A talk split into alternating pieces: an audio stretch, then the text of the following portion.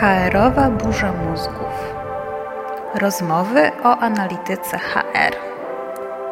Bardzo mamy wielką przyjemność, słuchajcie, gościć Was po pewnej przerwie, przerwie poświęconej przede wszystkim na stworzenie trzeciej edycji analityki, badania analityki HR które miało premierę w poniedziałek w święto liczby pi, stąd y, moja wspaniała koszulka, słuchajcie, z liczbą y, pi, jak żeby inaczej, nie mogłam dzisiaj w innej wystąpić.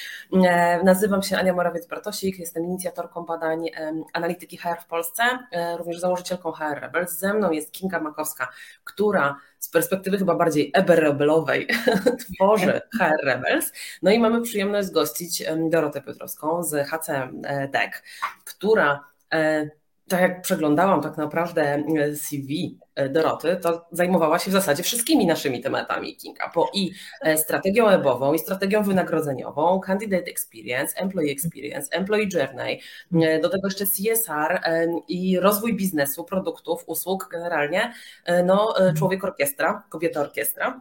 Więc mamy ogromną przyjemność gościć Ciebie, Doroto, dzisiaj i będziemy sobie rozmawiać o ocenie pracowniczej w perspektywie przede wszystkim oczywiście naszych e, doświadczeń, e, ale także będziemy się oczywiście wspierać danymi z opublikowanego właśnie w poniedziałek e, badania analityki HR już trzeciej edycji. Więc bardzo miło mi Was widzieć dzisiaj. No i słuchajcie, może najpierw pozwólcie, że pogratuluję badania, zanim przejdziemy dalej, chociaż tej chwilki nie zawsze. Też bardzo mi miło, że otwieramy tę serię. Y, sama bardzo, bardzo się już na nią cieszyłam i, i, też będę chętnie słuchać i włączać się w kolejne, ale przede wszystkim naprawdę gratuluję. Myślę, że to jest bardzo potrzebny raport y, i pewnie najbardziej kompleksowy naprawdę, jaki jest z, z, z, z tych, które do tej pory się pojawiły i też się bardzo, bardzo cieszę, że taką dużą grupę respondentów mamy. Nie wiem, Aniu, czy będziesz jeszcze o tym mówić, ale naprawdę y, myślę, że to jest warte podkreślenia określenia. Tak jak, jak reprezentatywny jest to raport. E, rzeczywiście mamy bardzo dużą grupę e, firm różnej wielkości, z 25 branż e, zebraliśmy takie wyniki, które dało się opublikować, szczegółowe.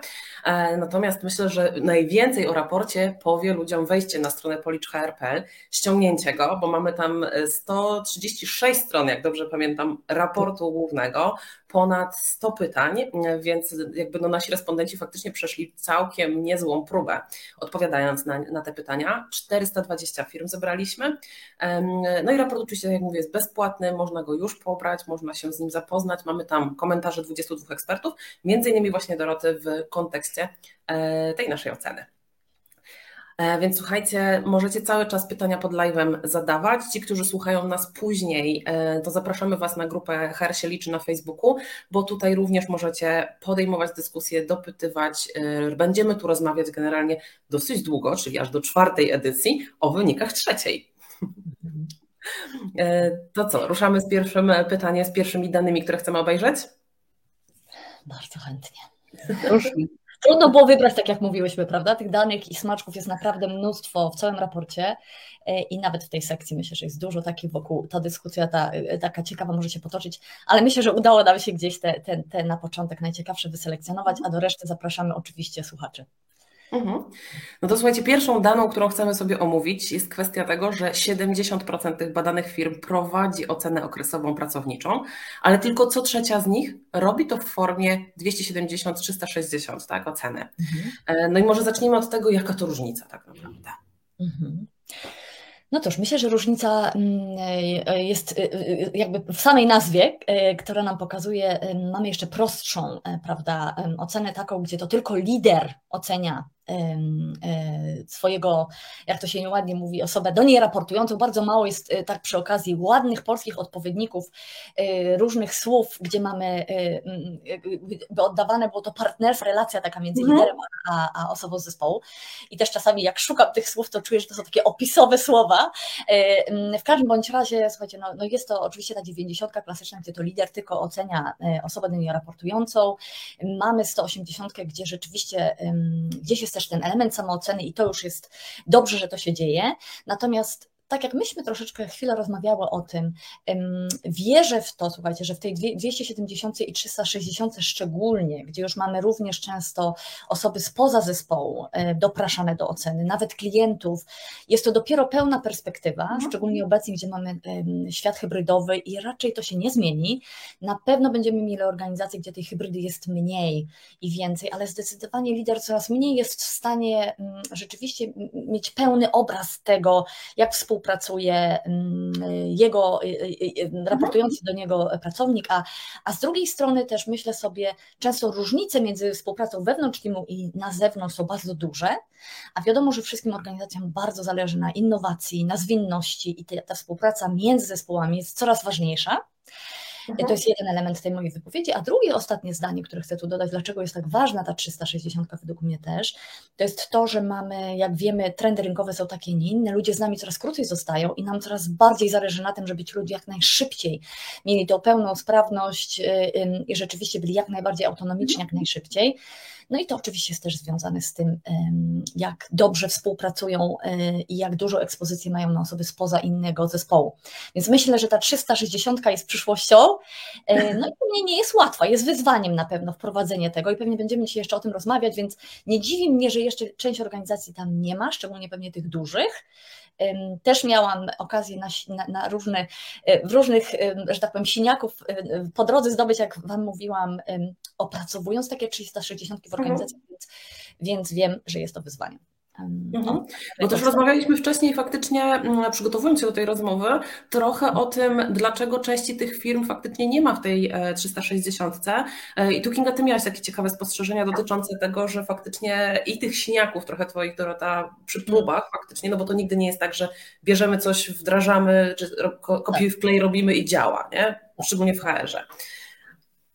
E, tak, przede wszystkim chodzi e, tutaj, przywołując e, też naszą wcześniejszą rozmowę, jak spoglądałyśmy pierwszy raz na te dane, o popularność 360 czy w ogóle tematu oceny pracowniczej jako takiego flagowca innowacji w organizacjach. I tutaj chciałam Cię podpytać, Dorota, czy też Ci się zdarza taka sytuacja, że faktycznie ten projekt oceny pracowniczej jest jednym z pierwszych e, tak innowacyjnych w organizacji, no i w związku z tym mhm. też pojawia się pewien opór organizacyjny. Czy to jest częsty scenariusz, czy e, może tylko kilka razy, lub może wcale się z tym nie zetknęłaś?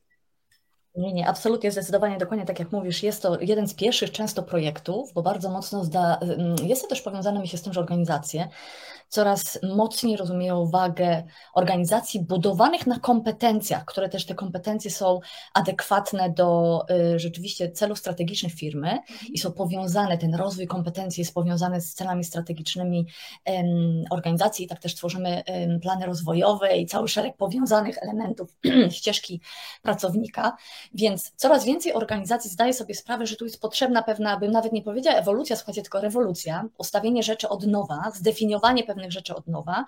No i tak jak też rozmawiałyśmy, to nie chodzi o narzędzie, tylko rzeczywiście od podejście od zera, a to podejście od zera to rzeczywiście jest to, że na nowo definiujemy, jakich kompetencji potrzebujemy w odniesieniu do tych strategicznych celów. No i to jest oczywiście bardzo duże ćwiczenie organizacyjne. To jest de facto dosyć, bym powiedziała, taki klasyczny przykład zarządzania zmianą. E, I to jest zmiana, która nie jest łatwa dla nikogo, tak? bo to nagle się wszystko de facto częściowo, nawet w mojej roli i wymaganiach zmienia. Ja przeszedłem na inną rolę, a nagle czego innego się ode mnie oczekuje.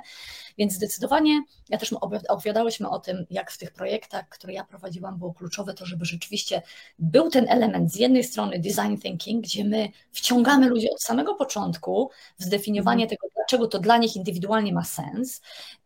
Rzeczywiście wyjście od tych etapów tak zwanego empatowania tak, z tym, y, tym, tym odbiorcą przyszłym, czyli rzeczywiście, że badamy te obawy, nadzieje, ale również tak zwane opcje, możliwości, jakie daje, to na co mamy nadzieję, tak, że ten projekt nam przyniesie, no i te tak zwane opportunities, tak, czyli i też ryzyka, zanim w ogóle zaczniemy myśleć o, o ideacji, o prototypowaniu, o pilotowaniu e, w jakiejś wersji powiedzmy sobie tak zwanego MVP, jak to się mówi w technologii, czyli mm. takiego minimum produktu, który zafunkcjonuje.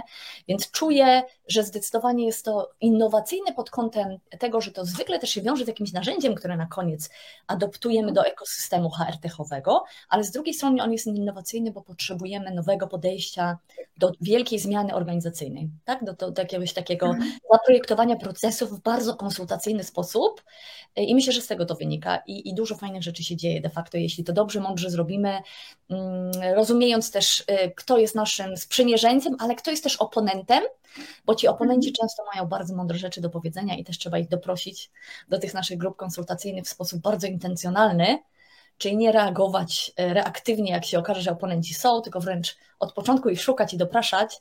E, no i myślę, że to jest zdecydowanie bardzo, bardzo sprzyjające innowacji. Mhm. Dużo rzeczy fajnych się dzieje cross-team w ramach samego projektu, a potem ludzie też sobie zdają sprawę z tego też de facto, że bardzo się lepiej poznali, zrozumieli swoje role w organizacji i tak dalej. Także dużo, dużo, zaczątkiem wielu ciekawych potem projektów cross-teamowych i takiego końca z silosowaniem w organizacji oznacza projekt 360. Mhm. Bo kwestia tych oponentów rzeczywiście jest mega ważna, szczególnie jeżeli mm, podejdziemy do tego patrząc, że jeszcze niedawno byliśmy tak naprawdę w tych relacjach e, podwładne, przełożone w takiej trochę relacji rodzic-dziecko czy nauczyciel-dziecko, gdzie ten mhm. nauczyciel mówił, że dobra, siadaj truja, e, masz ocenę. Przeszliśmy trochę do tego właśnie, do tej samooceny, która też jeszcze nie jest taka, mhm. że faktycznie nie wszędzie jeszcze występuje i faktycznie przeniesienie tych ludzi, tych menedżerów przede wszystkim z tego poziomu ja wiem, i cię oceniam, do momentu, że ok, muszę uwzględnić zdanie jeszcze trochę innych ludzi, którzy trochę częściej i więcej z tą współpracują, może być faktycznie e, trudne, tak jak mówisz. Nie? Rzeczywiście, że ta, ta grupa faktycznie musi zrozumieć, jak zawsze w zasadzie przy w pracy, sens tego, co ma zrobić. Żeby faktycznie mogła być po naszej stronie trochę tutaj. Nie? To jest też zresztą redefiniowanie roli lidera, prawda? Zupełnie w tej nowej rzeczywistości i, i fajnie też widzieć, że to się dzieje, ale to znowu, znowu słuchajcie, no oczywiście oznacza dużą zmianę kulturową w organizacji jako tako, tak? Czyli um, takie stawianie na autonomię coraz większą e, przy jednoczesnym takim daniu zaufania, gdzie ważne jest e, to, to że odpowiadamy za, za wyniki, za cele, za progres i to też nie jest łatwe w hybrydzie, żeby kontrolować to, ale że nie było mikrozarządzania, więc no tu szereg elementów z tym się wiąże. No i myślę oczywiście z 360 też absolutnie to jest co, y, coś, co jest ważne i dla lidera, i dla każdego w zespole, szczególnie w kulturze polskiej. Na to dziś nie mamy czasu, żeby pewnie się zagłębiać w te aspekty kulturowe, ale kultura feedbacku, wdrożenia w Polsce nie jest łatwa ze względu na nasze narodowe, kulturowe y, pewne, mhm. pewne cechy, y, a jest to absolutnie fundamentalne w ogóle dla powodzenia 360. O tym będziemy jeszcze rozmawiać na pewno przy okazji transparentności, prawda, oceny, a więc na razie nie, nie otwieram tego tematu. Zdecydowanie tak, chociaż tutaj myślę, że najważniejszym punktem jest e, w sprawie kulturowej pokazanie, czy też uświadomienie sobie, że my Polacy nie potrafimy przyjmować komplementów, czyli ten feedback e, korygujący jest spoko, i jeszcze potrafimy sobie z nim poradzić, ale ten, który jest pozytywny, często faktycznie nie wiemy, co z nim zrobić, nie? Tak, tak, tak. Dobra, się zobaczmy. Ja, dokładnie. Zobaczmy, słuchajcie, następne, następne dane. To może ja wskoczę tutaj i mhm. tylko z poziomu e, tego, co też, o czym rozmawiałyśmy sobie przygotowując się do tej rozmowy, e, bo pamiętam, że zaskoczyła nas ta dana. Jeszcze chciałam Cię e, oczywiście podpytać za chwilę, co Ciebie najbardziej zaskakuje. E, mhm. Natomiast e, z poziomu tego, co, e, bo tutaj nie wszyscy będą nas oglądać, także ja po prostu też przeczytam może to, co tutaj mamy, że najczęściej firmy wykorzystują ocenę do następujących celów. Najpierw albo planowania rozwoju, i to jest aż 69%, już tam zaokrągle, firm, które wzięły udział w badaniu, albo do podwyżek, albo do a, podwyżki 66%, awanse 65%, E, no i tutaj też może to albo nie było słusznie użyte, mogą tak naprawdę wykorzystywać do kilku tych celów, więc raczej mhm. lub. E, natomiast to, co jest ciekawe, to fakt, że aż 5,7 badanych firm e, prowadzi ocenę, ale ona nie ma na nic wpływu. Więc mhm. tutaj co, co najbardziej nas zaskakuje, a może nic właśnie, może to i tak jest dobra diagnoza. Co, mhm. co ty myślisz? Nie wiem, ja mogę się wypowiedzieć, nie wiem, czy Aniu, ty byś chciała powiedzieć, bo dla mnie to było pozytywne zaskoczenie, więc może powiedzcie wy, jak się odebrały. Dla mnie było pozytywne, przyznam szczerze, bo bałam się, że będzie o wiele bardziej, e, jeszcze większy procent mimo wszystko oscylował wokół po prostu zarządzania celami, e, bo z mojego doświadczenia często jest jakiś taki merch, tak, że łączy się te, te, te, te dwie inicjatywy w jedną, co nie jest według mnie zdrowe i pożądane, więc ja byłam raczej bardzo pozytywnie zaskoczona, że jak myślimy o ocenie 360, to przede wszystkim w aspekcie rozwojowym, Wręcz dla mnie to powinno się nazywać nie ocena pracownicza, tylko ocena rozwojowa, wiecie, powiem szczerze, o nomenklaturze, która ze sobą dużo niesie podprogowych e, przekazów. Mhm. I myślę, że ten pracownik też zupełnie inaczej to odbiera. E, jeżeli on wie, że to jest roczna, chociażby czy kwartalna, czy jakakolwiek, o tym będziemy jeszcze rozmawiać, ocena rozwojowa, a nie ocena pracownicza. E, ale byłam e, pozytywnie zaskoczona, że jest to jednak rosnący procent organizacji, które powyżej już no, około 70% myślą jednak o rozwoju przede wszystkim. E, no i wiadomo, że to jest bardzo ściśle powiązany rozwój na jakiejś ścieżce kariery z podwyżkami, więc to mnie akurat absolutnie nie dziwi, to jest ok i awansami, ale mamy tutaj jednak najwyższy procent wskazań na rozwój jako rozwój, tak? Mhm. Więc też jestem ciekawa i troszkę nam te badania pokazuje, jak potem działamy z tym, czyli że rzeczywiście planujemy planujemy ścieżki rozwojowe, plany rozwojowe, mamy, nie wiem, indywidualne plany rozwojowe w niektórych organizacjach, w niektórych nie. To jest pewnie jeszcze coś, y, ciekawa dyskusja, którą kiedyś można pociągnąć przy kolejnej mhm. edycji. Czyli do czego realnie w narzędziach nam to służy, jak często jest weryfikowane, ale to, to już osobny temat. Ja, ja byłam pozytywnie zaskoczona, tak to powiem. Nie wiem jak wy, Aniu, i powiedzcie obie mhm. zresztą, tak? Bo, bo tak. E, to powiem tak, że samo kwestia tego planowania rozwoju na pierwszym miejscu faktycznie mm, doskonała informacja. Natomiast jeżeli zestawimy sobie te dwa kolejne miejsca, czyli te 66% na podwyżki i 65% na awanse, z informacją, że słuchajcie, trafność podwyżek i awansów, chociażby właśnie wiążąc to oceną, mierzy, słuchajcie, kilkanaście procent firm. Więc może mm, jakby w ten sposób, trochę bardziej przekrojowo też patrząc, wiecie, łącząc trochę te 130 stron w taką jedną wielką wiedzę, co wymaga na pewno trochę czasu, jeszcze pewnie nikt do tego nie doszedł, no ja przeszłam to krok po kroku, wiecie, slajd po slajdzie, więc mniej więcej już wiem, co tam jest, to faktycznie po połączeniu tego mierzenia efektywności, tego łączenia oceny z podwyżkami i awansami, trochę się niepokoję. W mhm. kontekście takim, że nadal bardzo często słychać głosy dotyczące tego, że wiecie, że my musimy kalibrować ocenę, że ona musi mieć rozkład normalny i, i w kontekście tego i tych działań, które są no, no bardzo negatywne jednak i negatywnie mhm. wpływają na e, obiektywność oceny i na motywację pracowników, łączenie i tej oceny z podwyżką i awansami jest ryzykowne, właśnie w kontekście takim, że będziemy mieli pewne y, naciągnięcia, niedociągnięcia i że trochę wchodzimy tutaj w tą część mm, tych relacji dobrych bądź złych między pracownikiem a menedżerem gdzie ta ocena i to, jak bardzo ten menedżer potrafi obronić ją w trakcie kalibrowania, bardzo wpływa w ogóle na przyszłość tego pracownika w organizacji. Mhm. No bo plany rozwojowe to jest jedna rzecz, gdzie faktycznie ten menedżer e, no, w większości przypadków przejmuje kontrolę trochę i decyzję na temat tego, na co się zgodzi, żeby ten pracownik mógł rozwijać. Tak w kontekście podwyżek i awansów, awansów to zwykle nie jest decyzja tylko i wyłącznie menedżera, nie? Mhm. tylko większej grupy osób, która gdzieś na tą ocenę wpływa, naciska na przesunięcia w górę, w dół. Więc to mhm. trochę mnie niepokoi.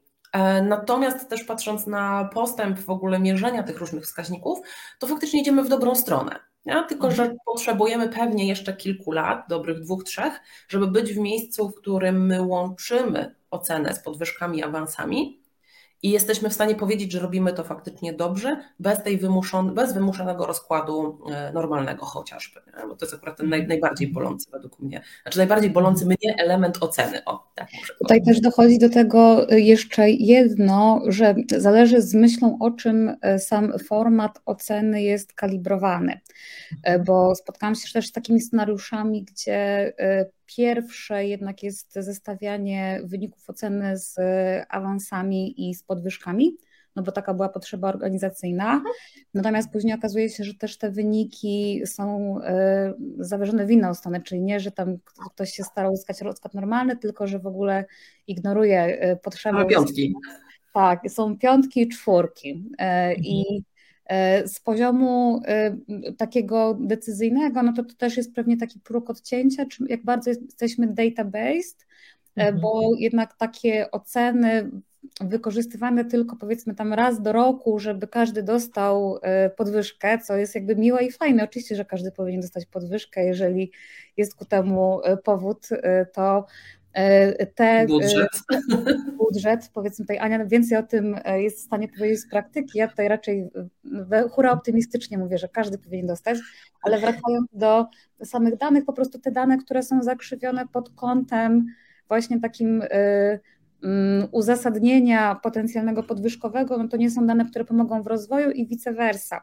Więc mhm. tutaj jest to po prostu wybór trochę organizacji, lub raczej może nie tylko wybór, ale zaprojektowanie takiego doświadczenia, e, które, czy tam takiego badania, czy powiedzmy formy e, wprowadzenia tego jako wskaźnika, e, która gospodaruje te dwie potrzeby, być może nie do końca jednym kwestionariuszem robionym raz na rok. E, wiem, że my lubimy w Polsce robić tak doroczne różne badania, projekty i tak dalej, ale czasami się okazuje, że przez ten rok się dużo zmieniło, więc to też e, gdzieś taki trop do, do rozważenia faktycznie mhm. pod kątem priorytetyzacji. O, i właśnie tutaj wchodzi... W kontekście... Ja wprowadzę kolejny nasz temat. To jest dokładnie w kontekście tego, o czym mówisz, ale jeszcze bym tylko tak na sekundkę dosłownie wróciła do tego wątku czwórek, piątek e, i tej kwestii kalibracji. E, totalnie się z tą zgadzam, że fajnie by było rozdzielić kwestie rozwojowe od kwestii finansowo podwyżko, finansowo awansowych, to jest jedna rzecz. E, natomiast, no jak wiecie, jestem teraz na etapie wiecie, korekty swojej własnej książki, która ma wyjść w maju. Mam tam cały rozdział, słuchajcie, właśnie dotyczący oceny i kalibracji. I oceny czwórki, piątki w zespołach e, Ciekaw jestem, czy się ze mną zgodzicie, są ok, jeśli nasza firma przewyższyła nasze w ogóle, wiecie, cele biznesowe.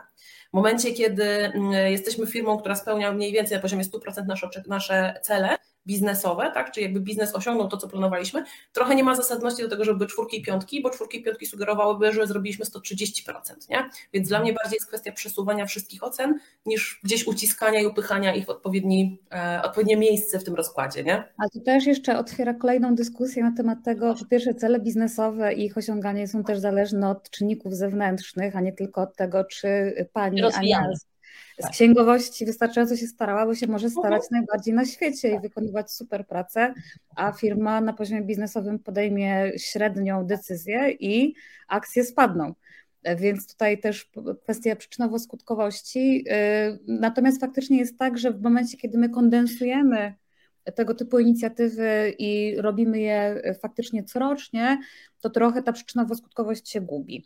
E, więc mhm. E, projektując ten proces, jeżeli w ogóle nasi słuchacze i widzowie mają taką możliwość, żeby się zastanowić właśnie tak jak tutaj e, rozmawialiśmy, że ten design thinking przykładowo jest narzędziem, które pomaga w ogóle podejść do tego logicznie i zaraz sobie trochę więcej powiemy o tych mechanizmach mhm. podejścia do układania tego procesu, ale warto faktycznie mieć to na uwadze, że tutaj żadnej magii nie ma i że wrażenie E, wynikające z tego, że tam są liczby, że tam są rozkłady, że tam są pewne korelacje lub ich brak, to prawdopodobnie bierze się z tego, że to po prostu jest bardzo duży dataset, e, nad mhm. zebraniem którego cała organizacja działa, natomiast e, który czasami może też mieć swoje no, słabsze strony, tak? jeżeli mhm. na przykład uwzględnimy jego wpływ na kwestie podwyżek, awansów czy jakiekolwiek jeszcze inne Mhm. E, Ale wiecie, myślę sobie też, dopowiadając tylko jedno już zdanie, żeby nie zatrzymać za długo, bo mamy tyle ciekawych jeszcze innych e, absolutnie e, danych do przegadania. Natomiast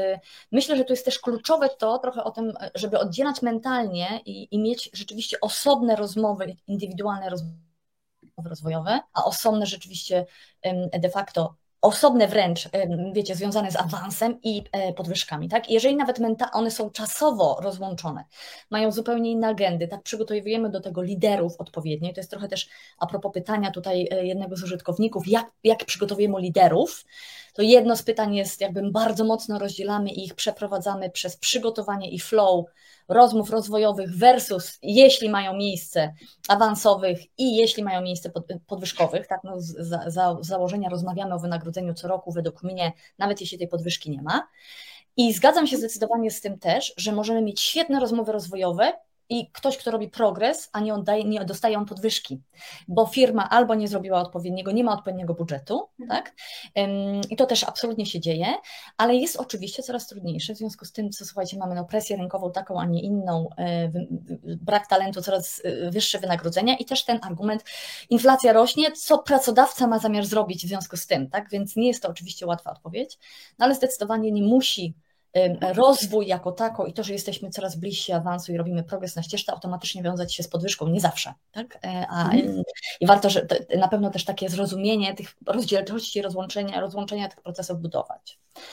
No Zdecydowanie tak, szczególnie, że tak naprawdę zwróćmy uwagę, chociażby poruszamy przez Ciebie te kwestie podwyżek inflacyjnych. Pamiętajmy, że w momencie, kiedy mieliśmy deflację w Polsce, nadal były głosy na temat podwyżek inflacyjnych, a nie obniżek, nie? więc wiecie, jakby ta, e, ta logika tutaj nie do końca działa, ta inflacja jest wykorzystywana w momencie, kiedy faktycznie jest wygodnie, e, a to też nie jest tak, że te firmy faktycznie, wiecie, zgodnie z tą inflacją się rozwijają i mają te budżety, więc to jest mega ważne, żeby faktycznie tą część rozwojową, którą możemy zrobić bez tych dodatkowych budżetów, kontynuować i faktycznie pilnować mhm. tego, bo też wiemy z innych różnych badań, że to jest mega ważne dla pracowników ten rozwój. Mhm. A z drugiej strony o ocenie takiej właśnie pracy i tych możliwości awansowo-finansowych Mhm. Porozmawiać jakby zupełnie oddzielnie, pamiętając, że my musimy tam siłą rzeczy wsadzić ten biznes, który czasem może właśnie podjąć złą decyzję, być w złym momencie, jakby wiecie, w innej gospodarce różne sytuacje się zdarzają, nie? Więc mhm. chociażby to jest kolejnym, zobaczcie, te kwestie finansowe firmy są kolejnym argumentem do trochę rozdzielenia tych procesów, mhm. um, oceny rozwojowej i oceny y, pracy pracownika. Tak. No. Mhm. Mm, okej, okay. a jeżeli chodzi o te kwestie najważniejszych elementów przygotowania tych pracowników mhm. i liderów do oceny, to mówiłaś o tych liderach, a, a czy coś jeszcze chciałabyś do tego pytania tutaj więcej dodać? Dorota? Myślę, że a propos tego nawet o czym rozmawiałyście, ja właściwie w każdej firmie co roku robię rekalibrację rozumienia oceny, znaczy skali mhm. oceny. Tak? tak? Czyli niezależnie od tego, że w ogóle uważam i bardzo wierzę w review, tak zwane w ogóle kompetencji, to, że o to, o czym troszeczkę w raporcie też piszę, że powinniśmy de facto praktycznie co roku patrzeć na, na robić taki crowdsourcing trochę, trochę kompetencyjny, czyli tak. od pracowników zbieramy, ok, czy to są autentycznie biorąc, że mamy takie i takie cele strategiczne na kolejny rok, czy to są najbardziej kluczowe e, kompetencje nasze, coś się w tym nie zmienia, więc robić mimo wszystko delikatne albo i bardziej odważne zmiany w tych naszych zestawach kompetencyjnych, gdzie ludzie też rozumieją, ok, ja nie jestem oceniany wstecz, za to, za kompetencje, które będą mnie obowiązywały w kolejnym roku, tak? ale mam już przynajmniej wiedzę, w jakim kierunku się będę rozwijał i będę wiedział, e, jak to wszyć w moją ścieżkę rozwojową. Więc dla mnie na pewno elementem kluczowym jest wciągnięcie liderów, ale też przedstawicieli różnych zespołów w to review mm. tych kompetencji. Ale to jest oczywiście etap przed 360 zdecydowanie. Zakładamy, że mamy już dobrze ustawiony proces oceny 360. Więc to review kompetencyjne jest zdecydowanie kluczowe dla mnie. Zawsze odświeżenie w ogóle treningu z kultury feedbacku, czym jest pełny feedback, jak się angażować w feedback jest bardzo ważny. Mamy nowe zespoły, osoby w zespole, szczególnie jeśli nie mamy kultury ciągłego feedbacku, to uważam, że jest to konieczne. Y, ja mhm. jestem zwolennikiem połączenia obu tych ocen, więc wierzę też, że każda nowa osoba i każdy lider jest trenowany na, na kulturę feedbacku, ale no jak, jak wszyscy wiemy, że, że warto to powtarzać. czym jest jakościowy feedback? No i tym elementem jest też właśnie dobre zrozumienie skali tak? I z, jednej strony, jakkolwiek byśmy nie zadbali o dobre zrozumienie skali przez wszystkich w organizacji i że to nie jest szkala, szkoła szkolna na przykład, mhm. ja bardzo się pilnuję, żeby to były na przykład cztery elementy, że nie było tendencji tylko środkowej, ale żeby nie było też, wiecie, jeden, pięć, bo to się od razu ze szkołą kojarzy, żeby dobre opisy były, tak, tej skali. Niezależnie od tego, jak dobrze to nie wytłumaczymy, i tak według mnie musimy liderów przeszkolić na to, jak brać pod uwagę kontekst, żeby nadpisać czasami ocenę i dać im to prawo, tak? Bo czasami pewni, pewne osoby, które dają feedback, niedobrze rozumieją kontekst roli, co jest od niego wymagane, mają super mhm. relacje z daną osobą. Jesteśmy bardzo w Polsce mm, e, tacy nastawieni na ocenianie kogoś przez relacje, niekoniecznie przez zadania, znowu to jest część jakiegoś kulturowego naszego wymiaru. E, no i liderzy powinni być dobrze przeszkoleni i mieć to autonomię i zespoły rozumieć, dlaczego mogą nadpisać czasami. Powiedzmy, mhm. jest jedna kompetencja trzy zachowania tak, obserwowalne i oceniające trzy, cztery osoby z jakimś dużym rozstrzałem.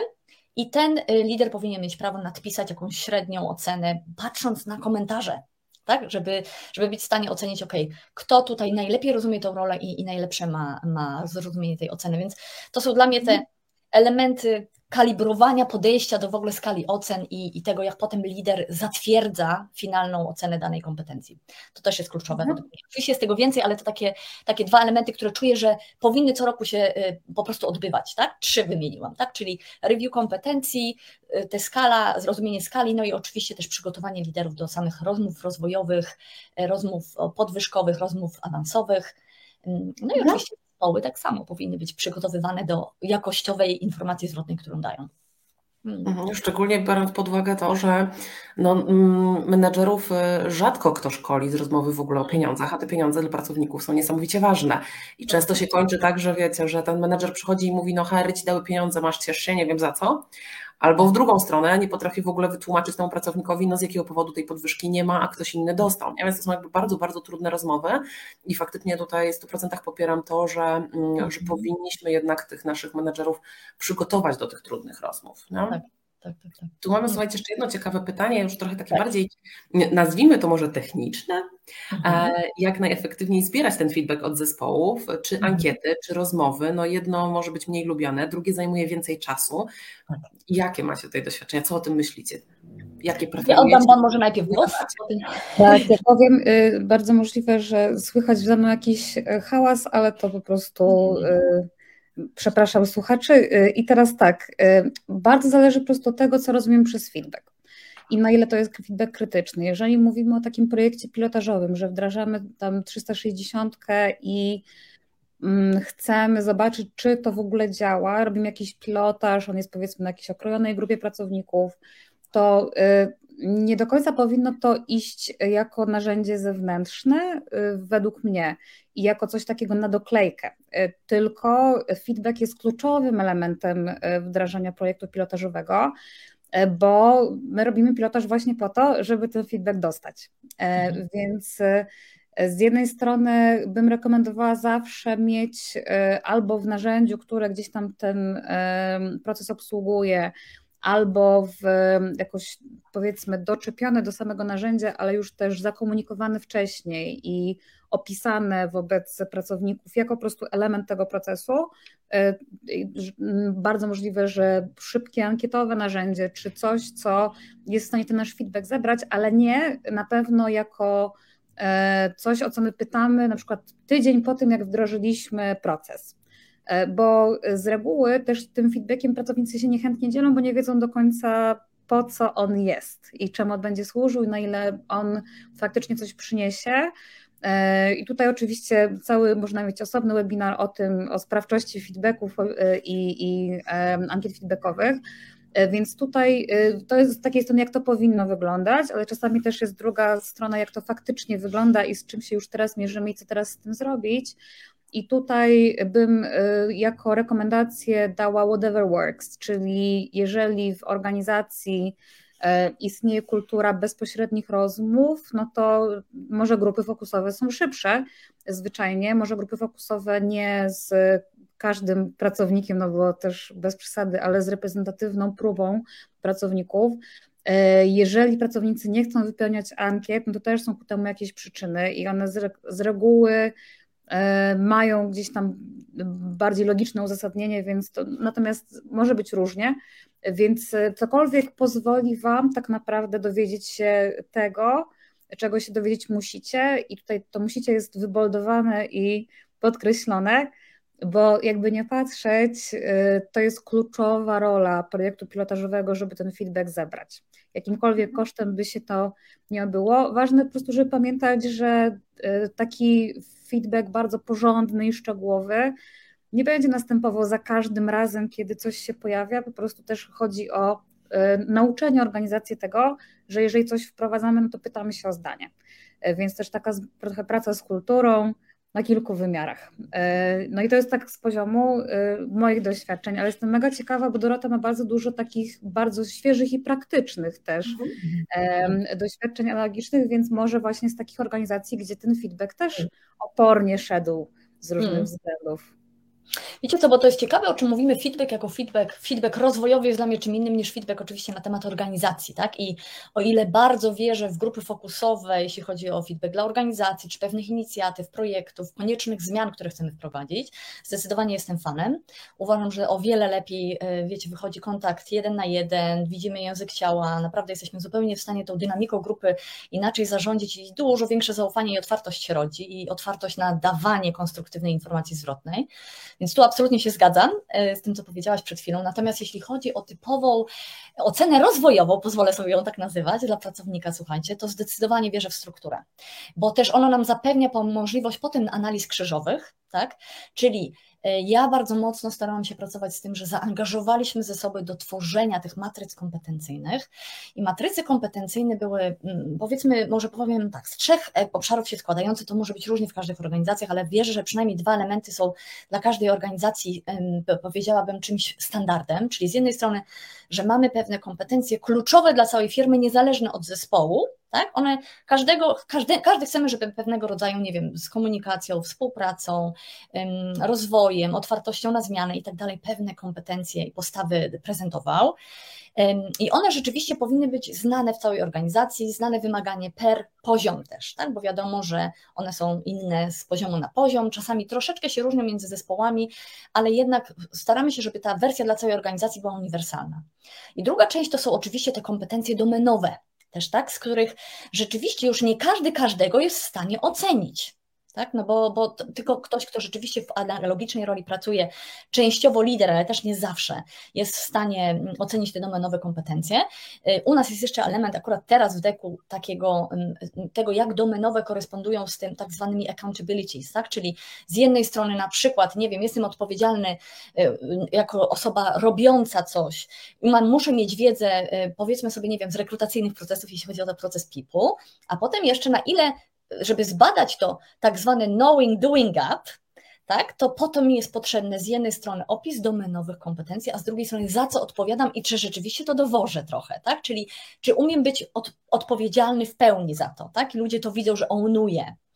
Ale ten trzeci element nie zawsze jest, tak? W tej ocenie rozwojowej, więc myślę, że przynajmniej te dwa kolejne. I co jest dla mnie kluczowe w tym, słuchajcie, to jest to, żeby było to nawet może być G-Sheet. W tych naszych e, raportach widziałam, że dużo jeszcze naszych zespołów HR korzysta z Excela, czy też jeżeli są na G Suite, to, to G-Sheet, tak? Czy, czyli ten Excel e, Google'owy. E, I to może być nawet dobrze ustawiony Excel czy Excel Google'owy, tak, G-Sheet z dobrymi formułami, ale jednak, który standaryzuje nam, zbiera pewne oceny i przede wszystkim każdy wie, Y, co, co jest wymagane od danej osoby na danym poziomie, na danej roli. Tak? I w stosunku do tego dopiero ocenia. Tak? Ma naprawdę opis tej zachowania jest na tyle jasny, że, ona, że on idealnie jest w ogóle takie, jeśli te one są progresywne z poziomu na poziom i są opisane adekwatnie. E, to jest troszkę bardziej zaawansowane, no ale tak jest optymalnie, jeżeli jesteśmy w stanie to bardzo jasno opisać. E, no i co? I wierzę, że wtedy jest dużo łatwiej, tak? bo, bo też ten lider wie, kto najlepiej, najtrafniej jest w stanie ocenić, jakie kompetencje, szczególnie domenowe. I to jest troszkę to, o czym mówiłam o nadpisywaniu czasami ocen. Tak? Pewne oceny mają wybiórcze, y, y, y, rozumienie domenowych kompetencji czy accountability danej osoby i mogą nieadekwatnie ocenić, i ten lider też powinien to wiedzieć. E, pewnie mogłabym dosyć długo, ale myślę, że, że to są te kluczowe elementy. Wiecie, standaryzacja, to, że ludzie czują, że to jest sprawiedliwe, mamy fair, mamy transparentność, mamy różne te elementy też w pewnym sensie autonomii, bo autonomia to jest ten początek, kiedy my robimy review tych kompetencji. I ja jako człowiek czuję, że mam wpływ na to, z czego będę oceniany. Mhm. Bo, bo, ten crowdsourcing kompetencji na początku przy tym review powoduje tak, że ja tu daję prób, ja, ja, to jest dokładnie to, co ja robię i za co powinien, z czego powinienem, chciałbym się sam rozliczać i w czym rozwijać. O, trochę tak. Mhm. Czyli tutaj ten kontekst też udziału tego pracownika w ogóle w tworzeniu kwestionariusza, formularza i tego, za co będzie oceniany, jest mega ważny w takim razie. A patrz, tych danych nie wyciągnęłyśmy akurat do dzisiejszej Myślę, że bardzo ważne, wiecie, też to, i mhm. słuchajcie, jak mogę jeszcze dodać jedno zdanie, mhm. dla mnie jest bardzo ważne, że on ma wpływ na to, kto go ocenia. Ten tak. element autonomii jest absolutnie ważny dla mnie, szczególnie, że to też jest istotne, że organizacja tym zarządza, żeby nie było takiej, takiej sytuacji, że osoby naprawdę z przeszłości, y, że ktoś, kto świetny feedback daje, taki mięsny, wiecie, bardzo merytoryczny, y, potrafi i dobry dać właśnie pozytywny, ale też konstruktywny, w sposób mhm. bardzo tak, wiecie, dbając o, o, o formę, Więc oni najczęściej są proszeni o N feedbacków wszystkich i się kończy na przykład są karani za to, że dają feedback w pewnym sensie. Więc jest też bardzo ważne, że i pracownik może wskazać, ale lider też i dochodzą do konsensusu, że to jest powiedzmy pięć osób max, y, od którego dostajesz ty feedback, ale też ty jako człowiek udzielasz pięciu osobom max feedback i masz rzeczywiście czas i chęć i jesteś rozliczany z tego, że ten feedback wszystkim dajesz. Zaskakującą daną dla mnie było, że niektóre organizacje nie badają, czy wszyscy wzięli udział w tym feedbacku w ogóle. Gdzie dla mnie to jest absolutnie oczywiste, że każdy bierze udział w feedbacku tak? i tym ćwiczeniu. No, mhm. ale tak, co czwarta firma to mierzy. Nie? E, tak, ja sobie otworzyłam od razu, e, słuchajcie, e, badanie, żeby zerknąć na te, na te dane, o których rozmawialiśmy. No i słuchajcie, treść kwestionariusza ustalają przede wszystkim dyrektorzy HR. Pracownicy mają na to wpływ słuchajcie, w 5% badanych firm, więc w zasadzie prawie wcale. Mhm. Natomiast wybór osób oceniających to przede wszystkim przełożeni 43%, mhm. no pracownicy to jest 38%. Więc mhm. tutaj ta część może rzeczywiście działa tak trochę, jak to opisujesz ten proces idealny, e, natomiast zdecydowanie wpływ na kwestionariusz e, jest tutaj za mały w stosunku do tego, o którym mówisz, który który powinniśmy mm, oglądać. I też ciekawą daną, której nie wzięliśmy akurat dzisiaj, jest to, słuchajcie, że tylko 42% firm daje mm, wgląd w wyniki badania pracownikom. Tak, ja byłam też zdziwiona tą daną, wiecie, tak, naprawdę. Mhm. Mhm. Tu się też trochę zaczęłam zastanawiać, że może chodzi o to, że wiecie, że, mm, że, że pracownicy nie mają, mają dostęp tylko do swoich i to też niekoniecznie tak. oznaczali, że wiecie, że tak szeroko mamy dostęp, jest tu pytanie, mm, czy to też dobrze zrozumieliśmy się tutaj z, badań, mhm. z badającymi, bo trochę w tym kontekście zaczęłam myśleć nad tym. Mm, natomiast rzeczywiście no jakby jest to trochę też niepokojące i to, co mówisz, co czwarta firma ledwie mierzy w ogóle poziom uczestnictwa w tej ocenie, mhm. więc rzeczywiście jest to problematyczne i faktycznie to, że często jest tak, że do jakiejś osoby, osoba, która ma dobre relacje z dużą liczbą osób, taka wiecie, fajna ciocia w biurze, nazwijmy to tak, tak. E, nieważne w jakim wieku, ona rzeczywiście dostaje setki tych próśb o feedback, z tego powodu, o którym też mówisz, że to też trochę mi otwiera oczy w kontekście tego, że my oceniamy relacyjnie, niezadaniowo, więc to wszystko w ogóle się zaczyna naprawdę układać w taką całość sensowną, logicznie, ale nie do końca racjonalną. O, tak to może chyba powinniśmy mhm. nazwać. No? E, więc, więc faktycznie e, dzięki za to. Mhm. Jeszcze wiesz co, myśląc o tym, że ty mówiłaś, że może, mogliśmy być źle zrozumieni z tym dostępem do danych, myślę, że jak popatrzymy jednak na korelację też wiesz co tego, że jednak w ogóle prośba, znaczy ocena 360 jest anonimowa w tylu organizacjach, to jednak się mhm. spina. Czyli, że wiecie, z jednej strony, więc może tak być, że rzeczywiście nie dajemy ludziom dostępu nawet do ich własnego feedbacku, słuchajcie. I jestem w stanie wyobrazić sobie taką sytuację. Także są organizacje, które uważają, że ponieważ to jest anonimowe, jako takie i nie wiesz od kogo dostajesz jaki feedback, tylko jakąś taką uśrednioną mieszankę dostajesz, którą ci lider mhm. przedstawia, co, co rzeczywiście, no, jakby myślę, że absolutnie bym rekomendowała zmianę, bo im, im więcej mamy tej, tej kultury transparentności, tym zdrowiej dla organizacji. Tak, oczywiście wiem, że to jest trudne, ale tak może być, nie? że te dane jednak się spinają nam, wiesz, jak patrzymy mhm. krzyżowo. Mhm. Tak, bo jeszcze popatrzcie, musimy do tego dołożyć um, kilka informacji. To, że właśnie ta co trzecia badana przeprowadza w pełni anonimowo badanie, to, że właśnie mało tych pracowników ma dostęp do wyników oceny, ale jeszcze musimy wziąć pod uwagę, zobaczcie to, że te badania najczęściej dotyczą jednak liderów, bo to jest 40% hmm. firm i tylko co trzecia firma prowadzi dla wszystkich pracowników. Dobra, jak złożymy więcej informacji, to ok, zaczyna mieć to sens, no bo tylko z tych 30% mogli ci pracownicy e, dostać i dostało ich tam te 5% ok, ma to trochę rzeczywiście więcej, czyli nie, czyli dobrze, zostaliśmy zrozumieni, faktycznie ta ocena jest anonimowa, nie mamy dostępu do wyników, czy w takim mhm. razie ta ocena może być w ogóle motywująca w jakikolwiek sposób? No wiecie, i to jest to, ale zostawiam Wam, bo ja już mam na tyle. Czy ona może być rozwojowa? Nie. No, trudne, trudne pytanie, y, bo faktycznie Tutaj bardzo dużo w przypadku oceny zależy od tego, kto nas ocenia, jakby nie patrzeć. I oczywiście do tego dochodzi też ten element relacyjny, ale również element y, miejsca w strukturze organizacji, szacunku, prestiżu y, i innych składowych, które sprawiają, że opinia jednej osoby, z którą współpracujemy, może znaczyć też troszkę więcej niż opinia innej osoby.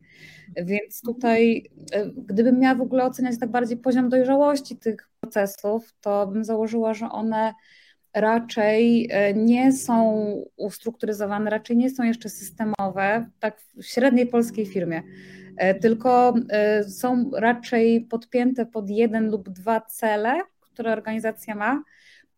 I na poziomie jednostki z reguły to oznacza, że nie wszystko nam się będzie podobało i dużo jednak się pojawi takich elementów, które kojarzymy z organizacji bardziej waterfallowych, hierarchicznych. I tak jak Ania nazwałaś to takich systemów nauczycielskich, e, gdzie ktoś e, faktycznie pełni tę rolę wyższą, ktoś pełni rolę niższą i w tej strukturze jest to, e, no powiedzmy, legitymizowane. Więc tak z poziomu w ogóle takiego holistycznego spojrzenia na organizację, tak, tak bym powiedziała. Natomiast no, też bardzo pocieszające są te rzeczy, które ty mówisz, Dorota, że no, by było gorzej. I, I jednak idziemy w dobrą stronę. Tak, to zawsze wspaniałe pocieszenie, że faktycznie idziemy w dobrą stronę. Nie? To, to jest akurat mega informacja, słuchajcie, która rzeczywiście z roku na rok z tych badań nam wynika, że we mhm. wszystkich tych aspektach database idziemy e, w dobrym kierunku rzeczywiście. Nie?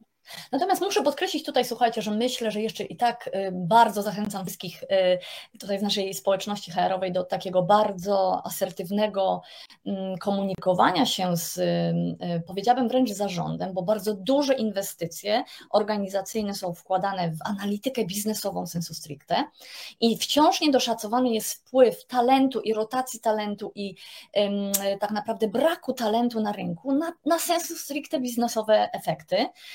I, i, i martwi trochę to, że, że organizacje nie inwestują w dedykowane role People Analytics jeszcze, tak?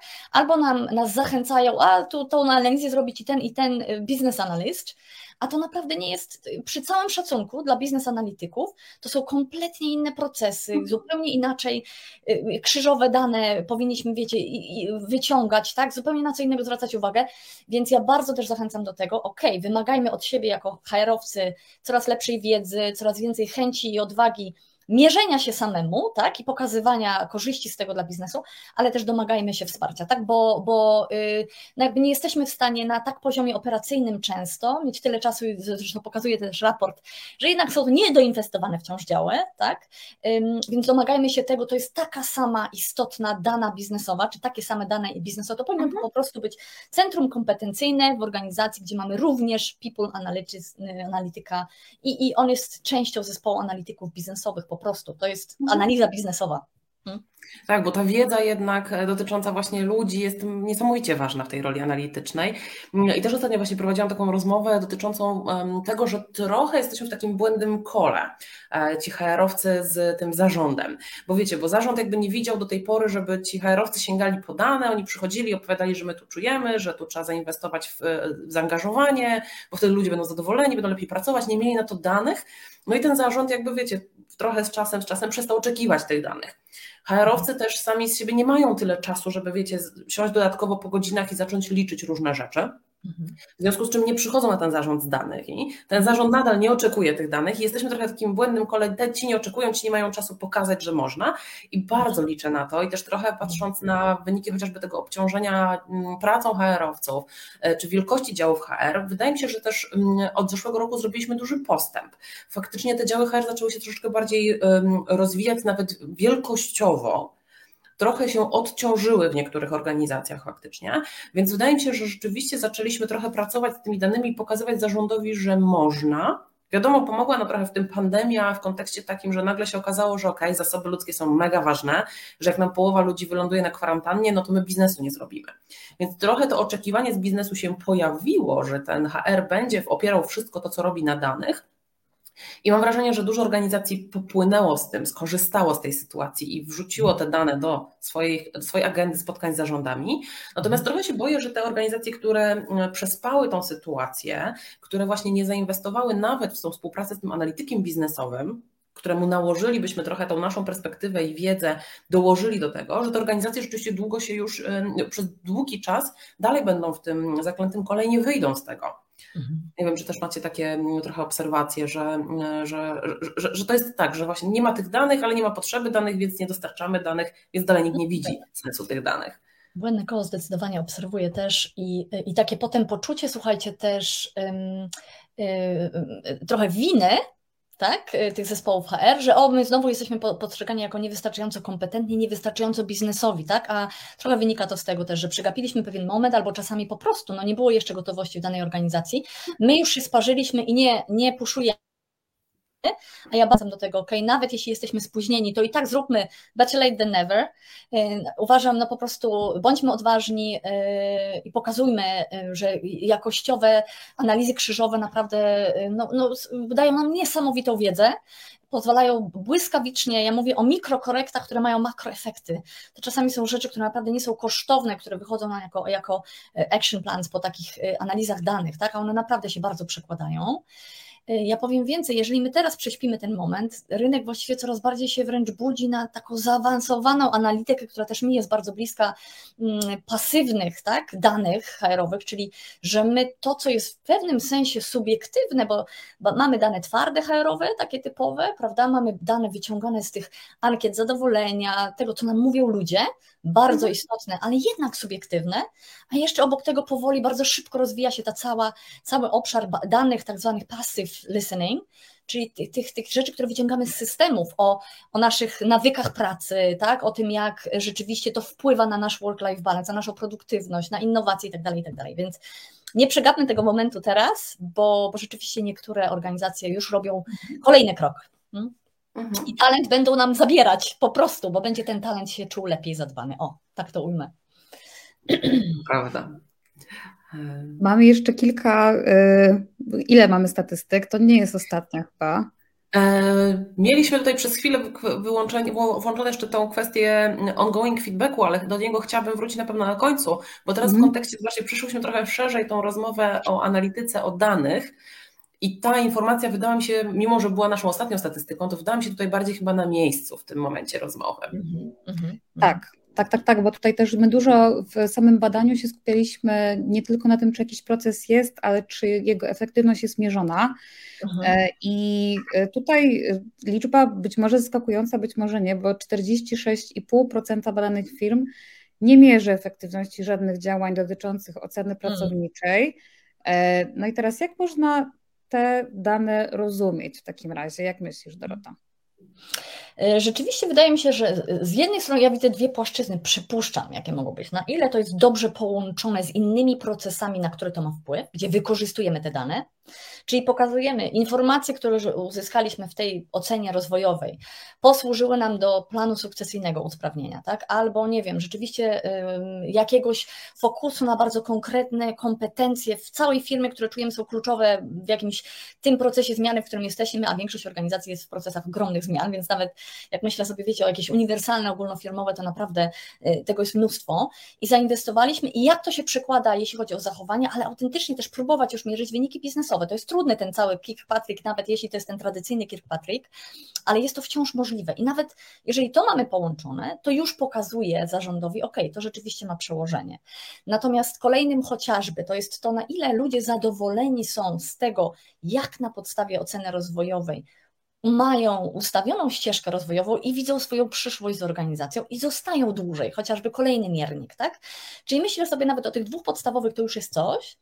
E, postarajmy się łączyć to po prostu z innymi procesami i innymi danymi, bo to raczej jest, na, na, tym polega, tak, ta ocena rozwojowa nie jest sensu stricte y, efektywna sama w sobie, dopiero w połączeniu z innymi danymi krzyżowymi, gdzie krzyżujemy i badamy, tak, i to jest to pewnie, żeby szukać, na co ona ma impact, jeśli jest dobrze ustawiona i dobrze z tymi wynikami y, i danymi um, pracujemy dalej. Także myślę, że to jest kluczowa taka, taka sugestia, ok, czy my dobrze pracujemy z łączeniem to, co nam da, tego, co nam daje ocena rozwojowa, hmm? ocena mhm. pracownicza. Bo tak, bo wiemy, że łączymy, wiemy, że niekoniecznie mierzymy to łączenie, to co tak. wspominałam o kontekście tego, tych podwyżek i, i awansów, no ale faktycznie, jeżeli nie mierzymy, w jaki sposób na ten rozwój wpływa, no to też mhm. trochę ciężka sprawa, nie? żeby faktycznie to, e, czy inaczej, jeżeli nie mierzymy efektywności, to nawet nie będziemy wiedzieć, jeżeli jakimś sposobem, cudem wtedy ta ocena efektywna jest.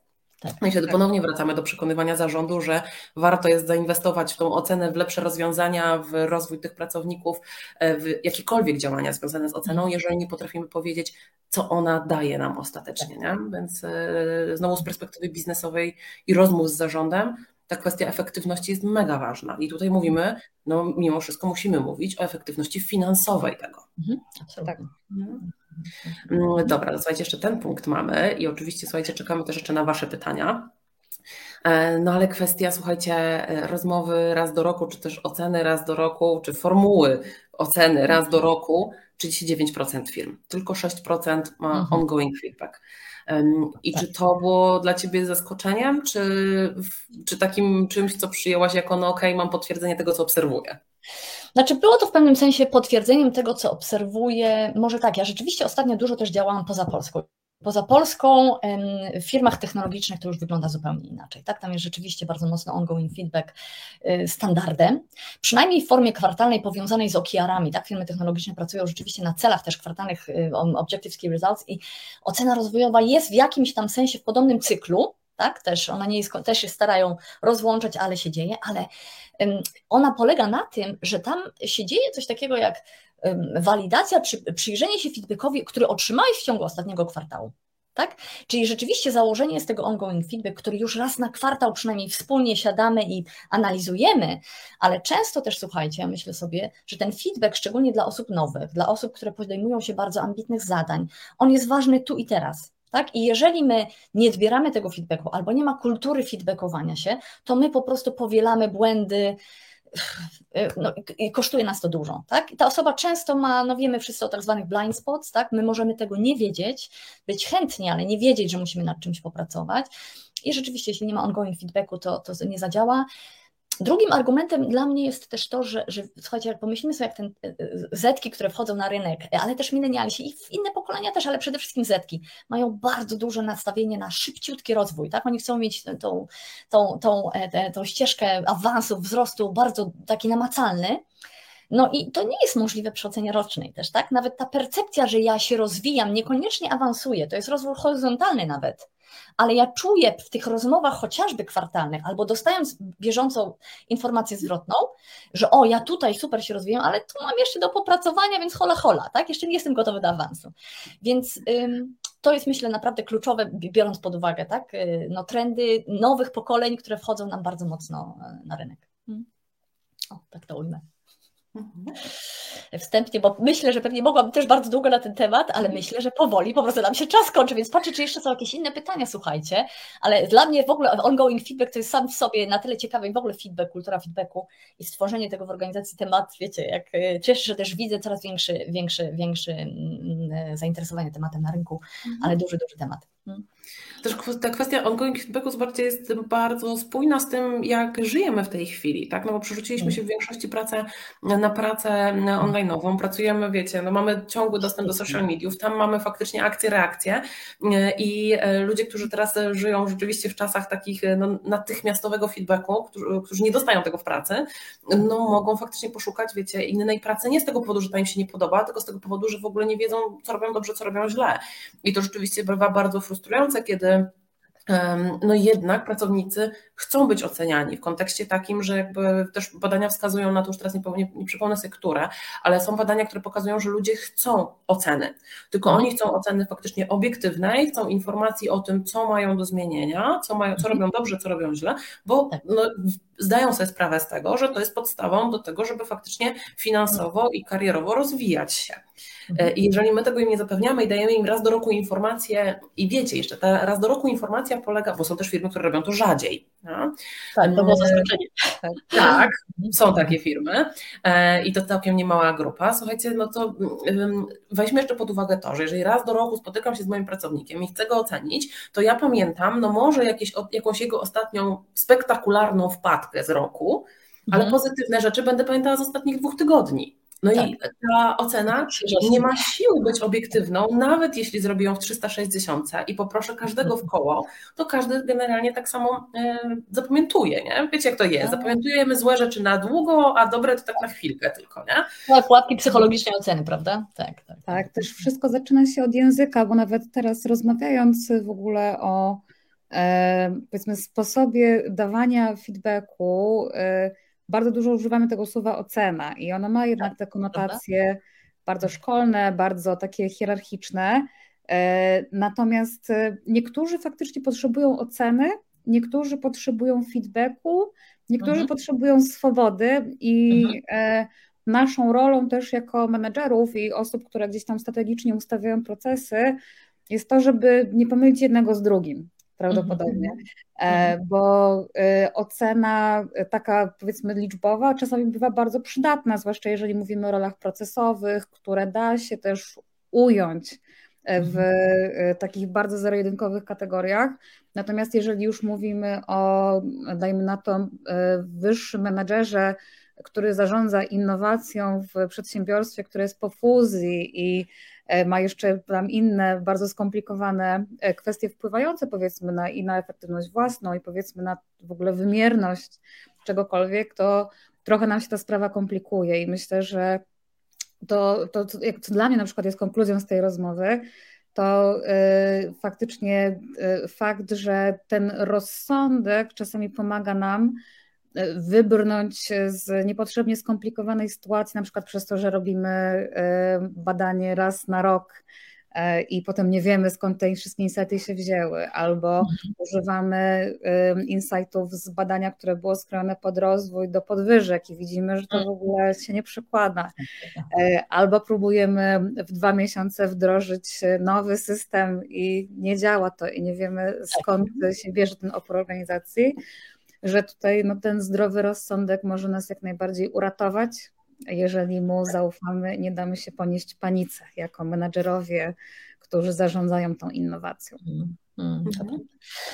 Znaczy podsumowując, ja wierzę bardzo, słuchajcie, w 360 raz do roku ustrukturyzowaną, ale absolutnie bezcennym, uzupełniającym feedbackiem jest ten feedback ciągły, nieustrukturyzowany, mniej wymagający wysiłku. Znowu prosta formuła, tak zwany start, stop, continue i to już bardzo dużo, bardzo dużo daje. Tak? Także też wierzę w mhm. moc łączenia tych dwóch. Hmm. Mhm. Ja z tego słuchajcie wynoszę tak naprawdę jedno e, słowo e, interakcje, e, mhm. czy też może inne rozmowy, i nieważne generalnie, jak to nazwiemy, czy feedbackiem, oceną, czy procesem to ubierzemy, czy narzędziem, to faktycznie jest to coś, czego potrzebujemy my wszyscy, pracując i próbując się rozwijać faktycznie w organizacji i karierowo, i finansowo, i oso osobiście rzeczywiście faktycznie potrzebujemy rozmowy, potrzebujemy transparentnej informacji, potrzebujemy mhm. jawności w całym tym procesie tak. rzeczywiście, bo chcemy wiedzieć mm, i, e, i nie wierzę w to, że pracownik czytając swoją ocenę i komentarze nie próbuje dojść do tego, kto mu to powiedział i czy mógłby się dowiedzieć trochę więcej o tym. Tak. Ja więc zobaczcie, że jakby ta potrzeba dowiedzenia się, kto i co i jak o nas myśli, jest rzeczywiście jednak u nas silna i potrzebujemy tej ciągłej rozmowy, interakcji i informacji o tym, co nam idzie dobrze, a co jeszcze moglibyśmy zrobić lepiej, żeby, mm, no, żeby pchnąć dalej tą naszą, e, te nasze zadania, te nasze mm, cele, które po prostu mamy do osiągnięcia, tak jak mówię, albo biznesowo, albo prywatnie. Zdecydowanie. Zdecydowanie transparentność, myślę, i autonomia jest też bardzo, bardzo ważna w tym. Tak, konsultacyjne mhm. podejście, takie zwinne. E, tak, wierzę. To są moje te trzy słowa też cały czas, ale znowu cieszę się bardzo, że widzę progres i to jest myślę z taką dobrą, pozytywną, pozytywnym komentarzem bym zostawiła. Co Myślę, że tak, słuchajcie, bo komentarze mm, się nie pojawiają, pytania się nie pojawiają. Jeszcze mamy oczywiście parę sekund, słuchajcie, zamykających, kiedy jeszcze macie chwilę, żeby je zadać teraz. Ale tak jak wspominałam, jeżeli słuchacie nas później albo trafiacie tutaj na live, a później możecie dalej komentować, pytać, pisać, mm, zdecydowanie pobierzcie mm, raport z badania badania na policzhr.pl. Tam dowiecie się generalnie o wszystkich tych statystykach, o których mówiłyśmy i o wszystkich tych, których nie zdążyłyśmy poruszyć, bo jest ich strasznie mhm. dużo. E, a ja bardzo, bardzo Wam dziękuję, Dorota Kinga, za mhm. rozmowę. Bardzo rozwojową. Dziękuję Wam również bardzo. Dziękujemy bardzo. Dzięki wielkie. Dzięki. I słucham kolejnych z ciekawością. Miło nam, do usłyszenia. Myślę, że słuchajcie, słyszymy się już za dwa tygodnie, e, ale szczegóły podamy niedługo.